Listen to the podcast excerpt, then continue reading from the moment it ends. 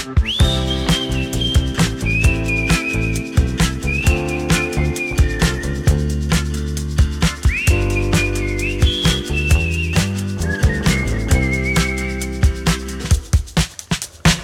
bij de zevende editie van uh, Skinsight Talks. Ons doel is om jou inzicht te geven over de huid, zodat je zelf zeker door het leven kan gaan met een gezonde huid.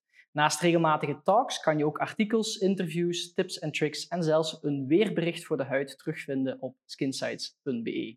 Vandaag een zeer bijzonder topic. Um, wij gaan spreken over waarom snijden niet altijd de oplossing is. En ik heb hier bij mij plastisch chirurg dokter Farid Kazem. Farid, fijn dat je erbij uh, bent vandaag. Um, Blij dat ik er ben. Stel je maar eens eventjes voor aan de luisteraar, de kijker. Nou, mijn naam is Farid Kazem. Uh, ik ben plastisch chirurg. Ik werk al, ik heb al 30 jaar ervaring in de plastische chirurgie. Uh, eerst begonnen als algemeen plastisch chirurg, dus uh, we deden alles, hè, zowel het reconstructieve als het cosmetische. En in 2002 heb ik besloten om helemaal cosmetisch te focussen en mijn eigen kliniek opgezet, uit het ziekenhuis gestapt.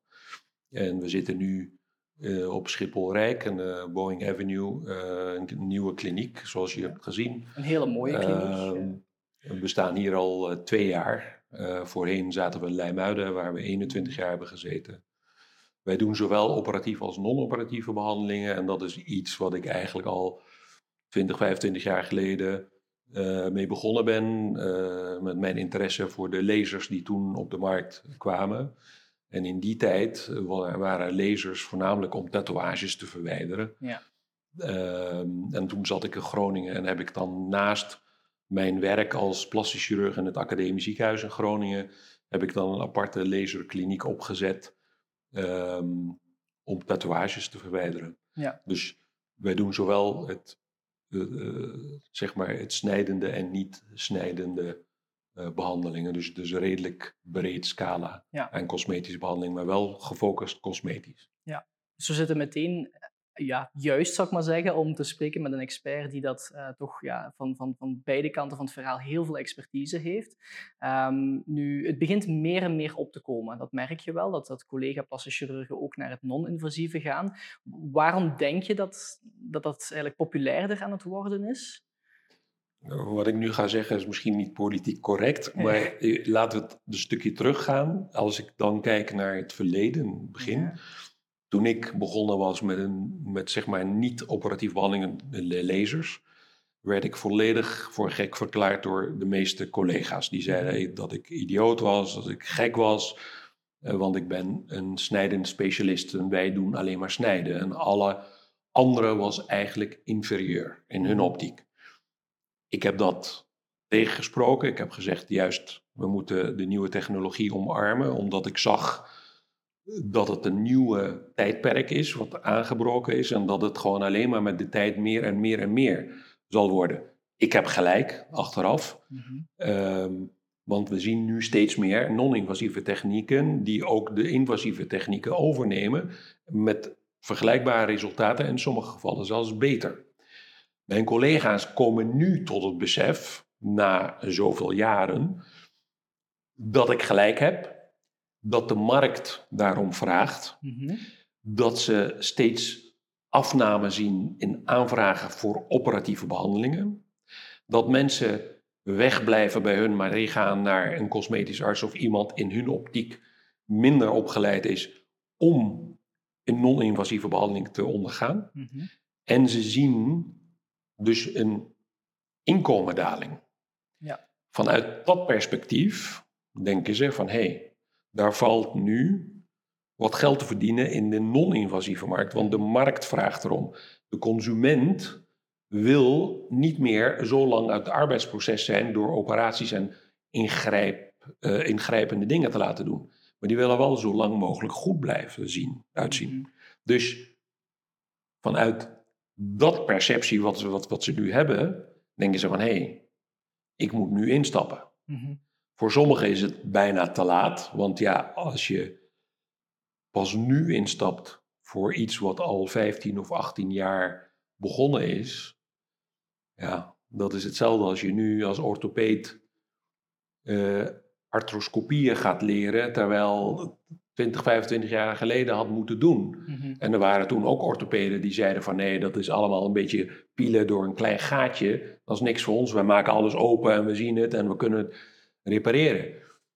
Maar je ziet dus dat de technologie die gaat voort en, en ik verwacht dat het nog verder gaat, Mhm. dat we uiteindelijk nog minder eh, gaan opereren. Dus ik denk voornamelijk, ze zien nu hoe de markt zich ontwikkelt. Ze zien een stukje daling in het aantal operaties wat zij eigenlijk aangeboden krijgen Mhm. en kijken nu naar alternatieven. Ja. Dat is de motivator voor de meesten.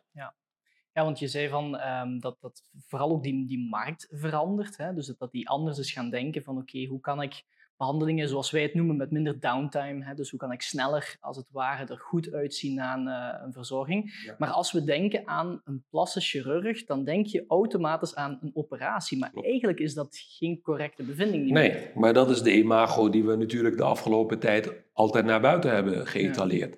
Want wij zijn de chirurg, wij doen heroïsche dingen. Als ik nu ook met de jongere generatie praat en ik zeg wat wil je? In mijn optiek vind ik het- vak chirurgie is een mooi vak, maar het is een heel breed vak. Mhm. Je kan niet, hoe goed je ook bent, je kan niet in alle facetten de beste zijn. Dat kan niet. Ja. Als jij streeft naar perfectie en naar de beste zijn, dan moet je keuzes maken. Zo is het ook in het leven. Je kan niet alles zijn. Je moet keuzes maken wat je belangrijk vindt. Mhm.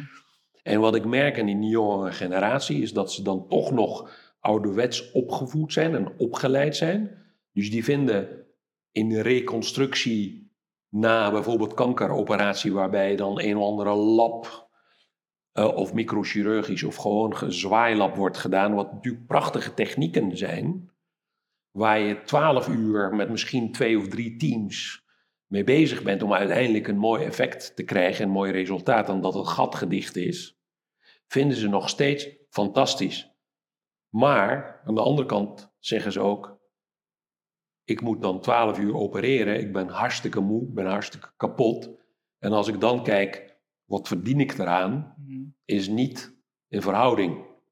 Terwijl kijken ze naar een cosmetisch arts die zeg maar minder qua lengte van opleiding minder opgeleid is, die drie dagen in de week werkt, de rest van de tijd vrije tijd heeft, quality of life heeft met zijn gezin, met zijn vrienden, gewoon lekker op vakantie kunnen gaan en in drie dagen veel meer omzet met betrekkelijk minder risico, minder tijd op je benen staan en dan toch nog naar huis gaan met een goed inkomen, daar kijken ze met een schuin oog naar. Vinden ze eigenlijk dat het niet kan, ze willen het ook, maar aan de andere kant zijn ze bang om dat los te laten, want dit is heroïs. Maar dat is wat in de afgelopen 30 jaar eigenlijk we naar buiten hebben geëtaleerd van wij zijn plastisch chirurg, dus wij opereren. Mhm.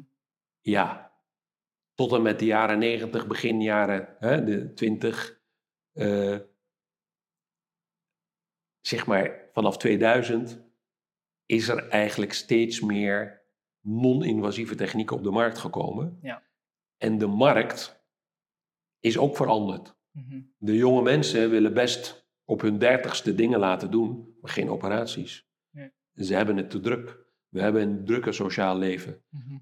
En dus zoeken ze naar mensen die ze kunnen helpen, maar dan op een non-operatieve manier. En dit zie je nu, die balans, die gaat richting non-invasief. Ja. Dat heb ik al 15 jaar terug gezegd, nu wordt het bewezen. Mhm. En je ziet nu dat de jonge generatie, die is nu ook aan het kijken van wat kan ik dan erbij doen Ja. om mijn palet aan te vullen. Ja, inderdaad. Nu, je merkt ook wel nog altijd die angst een beetje. Hè? Het operatieve, ehm, ja, je je gaat ergens onder een, een verdoving of, of er wordt gesneden en, en meteen, ja, ik hoor het van mijn eigen vrouw bijvoorbeeld, die, die toch wel zegt van ja, dat operatieve, dat wil ik altijd zien te vermijden. Maar eigenlijk, als we, als we ja, gaan kijken naar hoe we vandaag de dag geopereerd eh, worden, eh, moeten we daar niet zoveel angst over hebben, denk ik ook niet. Hè? Kan, kan je daar misschien wat meer over uitleggen? Nou, Qua, qua veiligheid en in dat optiek hoef je niet bang te zijn. Nee.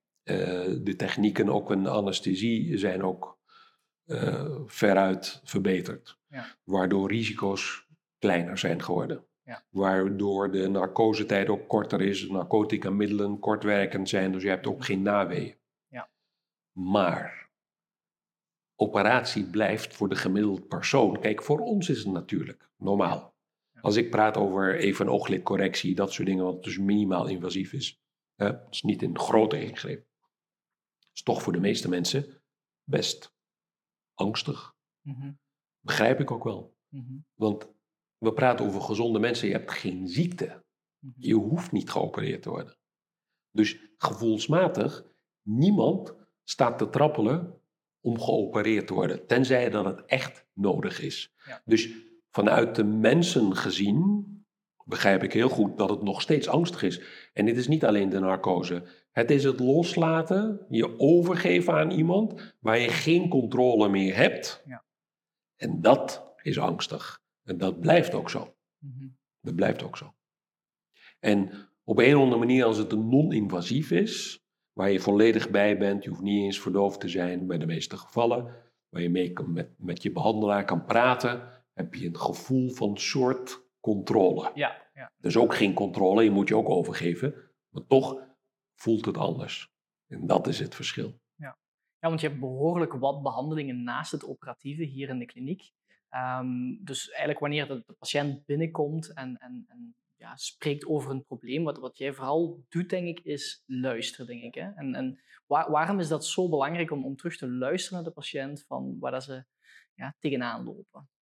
Oh, ik vind luisteren de, de, allerbelangrijkste dingen, want je wil uiteindelijk op dezelfde golflengte komen van wat is het precies de vraag?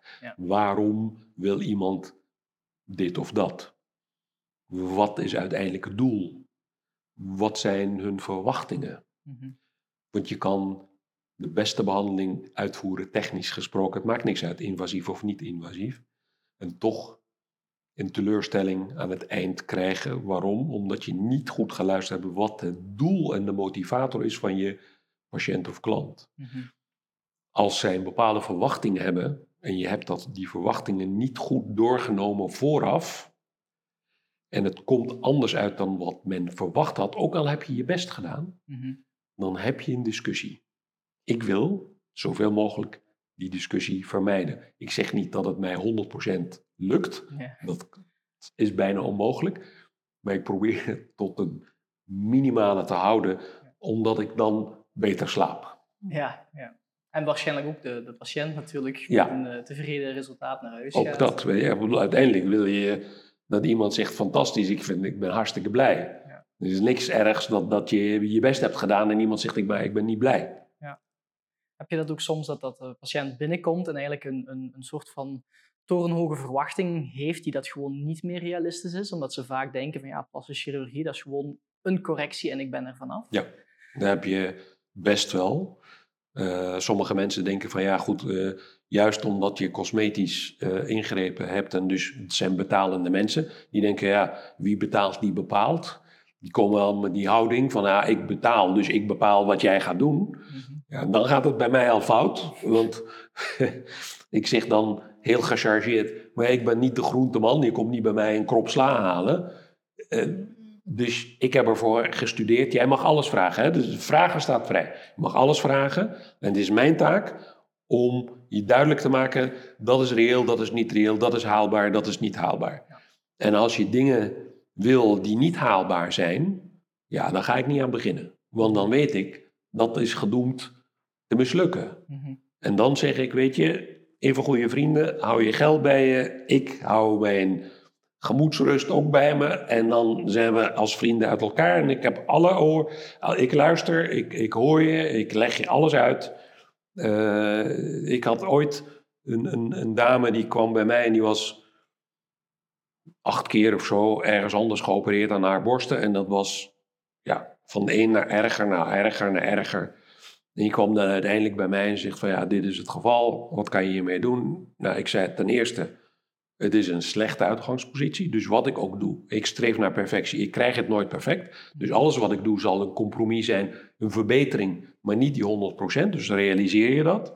En ik moet er ook even over nadenken. Want wil ik zoiets, aan zoiets beginnen? Ja. En als ik het zou doen, moet je bereid zijn dat ik alles eruit haal, dat een jaar niks hebt. Let wel aan tegen een vrouw zeggen die altijd borst heeft gehad, een jaar geen borsten. Alles tot rust. En dan ga ik vanuit die rust, uitgangspositie kijken. En dan heb ik een kans dat ik misschien iets kan maken. Ik heb dat vijf keer herhaald tijdens het gesprek. En iedere keer zei ze ja maar. Ja, maar dat kan niet. Ja, maar ik ga niet zonder. En op een gegeven moment heb ik het zodanig gechargeerd. Ik zeg, dit is het, anders doe ik het niet. Toen zei ze, ik begrijp je. Begrijp je helemaal. Ik begrijp wat je bedoelt. Dit is de ideale uitgangspositie. Maar ik ben klant. En de klant is koning. Toen zei ik tegen haar, mevrouw, u bent koning, maar ik ben keizer. Nou, uiteindelijk is, begrijp je, is niks geworden. Mhm. En we zijn uit elkaar gegaan. Maar dit is kansloos. Mm er, er, zit een bepaalde uh, onrealistische verwachting. Ja, en begrijpelijk hoor. Ja, ja, en soms brengt die juist jullie in een bepaalde positie waarin dat je eigenlijk gewoon niet ja, aangenaam staat van ja, wat als dit nu escaleert in de toekomst? Ik wil daar niet verantwoordelijk voor gesteld worden. Eigenlijk. Want als, als, als we dan gaan kijken naar hoe, um, ja, hoe, hoe, kijken jullie naar de ideale klant? Hoe, hoe ziet zo'n ideale klant eruit? Um, is dat iemand die gewoon ja, geen verwachtingen heeft, een bepaalde verwachting heeft, of juist torenhoge verwachtingen heeft? Of, of kan je die eens omschrijven, de ideale patiënt? Nou, ik denk de ideale patiënt bestaat niet. Net zo min dat de ideale plaschirurg bestaat ook niet. Ja, ja. Uh, wij zijn allemaal mensen. We hebben allemaal onze dingen. We hebben allemaal onze bagage, achtergrond, opvoeding. Hoe je in het leven staat. Er zijn allemaal factoren. En het moment waarop je komt met de vraag... Of je net een scheiding achter de rug hebt... en dat je dan denkt van nou, ik ga wat aan mezelf doen. Of ik heb uh, zware tijd gehad en ik vind nu dat het mijn tijd is om wat te doen. Dus iedereen heeft zijn verhaal. Mm Dus de ideale patiënt bestaat niet. En dan is de kunst juist, wat ik zei, is luisteren. Is gewoon kijken van oké, wat is jouw achtergrond? Wat is jouw motivator? Wat verwacht je? En daarmee spelen. En soms helpt het als je een situatie chargeert, zodat het een beetje een extreme wordt gedaan en dan gewoon kijken hoe iemand reageert. Maar als je over idealisme praat, kijk, voor mij, ik vind iemand die degelijk onderzoek vooraf heeft gedaan, is voor mij een ideale klant of patiënt. Ehm, ik weet dat heel veel collega's dat juist lastig vinden. Die vinden een mondige patiënt eigenlijk lastig. Want die mhm. komt met kritische vragen. Mhm. Die, die komt met uh, internetonderzoek. Uh, van ik heb gezien dat je optie A, B, C, D, E, kan je me daar iets over vertellen? Waarom kies jij voor optie F? Noem maar wat. Ik vind het leuk. Mhm. Ik vind het leuk omdat het A mij scherp houdt. Het dwingt mij ook om alternatieven te bekijken, die ik wel meestal gelukkig weet, maar soms ook niet. En dan denk ik van hé, hey, dat is iets nieuws, ik ga er even over lezen. Wat is dat? Uh, dus ik vind dat, dat samenspel vind ik belangrijk, omdat we uiteindelijk, vind ik, het is niet een monoloog van mijn kant van oké, jij komt hier met een vraag en ik ga je nu optie A, B, C voorschotelen en uiteindelijk duw ik je naar richting van een van de opties die ik vind dat dat beste is. Nee, ik vind dat eigenlijk een soort overlegsituatie moet zijn, waarbij ik de mogelijkheden bespreek met voor's en tegens. Mm zodat ik dat inzichtelijk maak, zodat iemand mijn gedachten ook kan volgen. Mhm. Van oké, waar denk ik aan? En waarom kies ik voor, we gaan dit eerst doen, dan gaan we dat doen, gaan we dat doen. Ik geloof niet in één single oplossing. Er zijn vaak voor een probleem heb je meerdere benaderingen. En vaak combinaties van behandelingen die uiteindelijk een eindresultaat bereiken wat optimaal is. Ja. En dat is wat ik nastreef. Dus ideale patiënt bestaat niet. Een soort ideaal is iemand die in ieder geval serieus werk van heeft gemaakt. Ja. Die gewoon even goed gekeken heeft van wat zijn de opties, wat zijn de klinieken, welke artsen doen dit. En ik kies bewust voor kliniek A, B of C of ik ga. Ik waardeer ook als iemand bij mij komt en zegt van luister dit is mijn eerste gesprek, maar ik heb nog twee andere gesprekken die ik nog bij kliniek B en bij kliniek C ga doen. Ik zeg, be my guest, ik ben hartstikke blij dat je dat doet. Mhm. En uiteindelijk nemen ze een beslissing. Maar dan nemen ze ook een heel bewuste beslissing. En dat is Het klinkt misschien arrogant, maar ik denk dat mijn verhaal dan in ieder geval uiteindelijk, als het mijn klant is, komt hij bij mij. Ja, dat is uiteindelijk waar. Nu, ik denk dat het een heel groot voordeel is omdat je hier in de kliniek heel wat mogelijkheden aanbiedt. Dat je weet van ja, ik kan altijd maatwerk geven aan iedere patiënt. Ik denk dat dat ook wel een enorme kracht is, hè, als je gewoon dat maatwerk kunt geven. En eh, ik vind het heel mooi dat je zegt van er is niet één oplossing voor iedereen of voor een bepaald probleem. Altijd in, het, in functie luisteren van ja, in welke situatie bevindt de persoon zich eigenlijk in kwestie. Ja. Het heeft ook te maken met, met leeftijd. Ik bedoel, iemand van 30 heeft andere benadering nodig dan iemand van 50 of 60. En die heeft ook een heel andere dynamiek. Eh, zijn huid is anders. Eh, die begeeft zich in een hele andere levensfase. De behoeften zijn anders. Noem maar wat.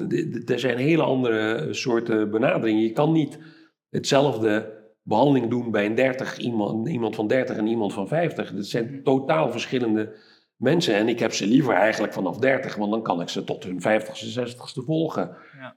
Ja. Dat zijn ook vaak mijn klanten. En omdat je divers eh, qua behandelingen eh, en, en opties hebt, heb ik wat voor iedere leeftijdscategorie, heb ik wel wat. Mhm. Ja. ja het is, het is een, eh, een, een, een heel leuk thema om eigenlijk ja, met, met een plastisch chirurg te bespreken van ja, kijk, snijden moet niet altijd de oplossing zijn. Er zijn zoveel alternatieven, maar het is mooi om te zien hoe het eigenlijk in functie gaat van de persoon in kwestie.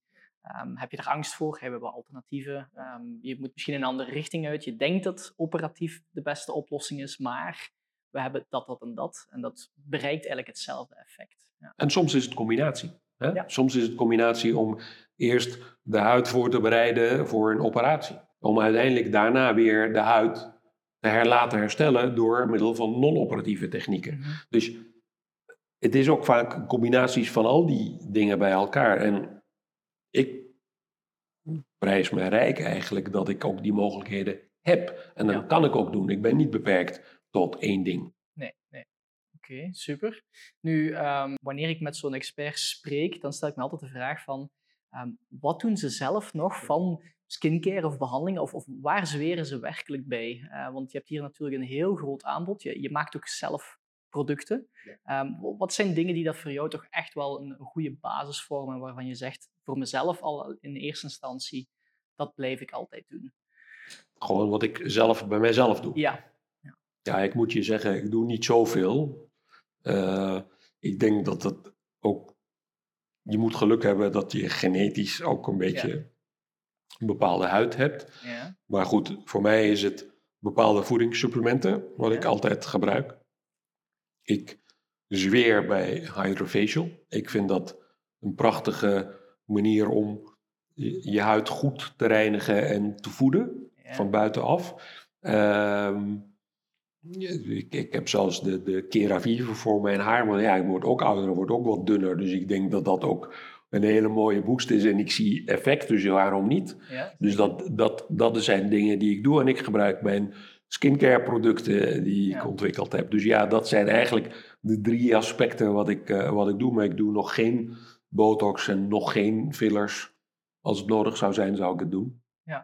Ja, eigenlijk gewoon de, de finishing touch. Die kan altijd nog komen, maar die, die basis is zo belangrijk. Ja. Interessant. Supplementen, verzorging en regelmatig een eh, goede verzorging van En natuurlijk gewoon een gezonde voeding, eh, goede levensstijl. Ik heb nooit gerookt, dat soort dingen. Dus dat zijn, dat, dat zijn basisdingen. Genoeg water drinken. hè, eh, om, om ook een beetje eh, eh, je vochtgehalte op peil te houden. Ja, zeker. Oké. Ehm, als we de luisteraars of de kijkers ehm, drie skincare tips willen geven om hun huid gewoon goed gezond te houden. Dus het gaat er niet per se om, ik wil er twintig uit blijven zien voor de rest van mijn leven, maar gewoon een gezonde huid. Wat zouden jouw... eh, Ik vind het alle, alle, allerbelangrijkste is uit de zon blijven. Dat vind ik. Ja. Gewoon uit de zon blijven. Zorgen dat je genoeg water drinkt en gezond leeft. Ik denk voeding, allerbelangrijk. Voeding, ge- genoeg water drinken, uit de zon blijven. Dat zijn hele belangrijke dingen. Daarnaast goede huidverzorgingsproducten gebruiken met een beschermingsfactor als het kan. En, en ik denk, ja, dan ga ik weer reclame maken, maar voor Hydrafacial, ik zeg, het is gewoon een mooie behandeling. Omdat je ook, dan heb je alles goed verzorgd. Die diepte, dat krijg je met Hydrafacial. Ja, ja oké, heel mooi. Heel veel bedankt. Ik denk dat we heel veel inzichten hebben gekregen en uh, ja, toch, toch denk ik een plastisch chirurg vanuit een andere kant hebben kunnen uh, leren kennen. Dus uh, we zijn je heel dankbaar voor de tijd en tot ja, een volgende keer.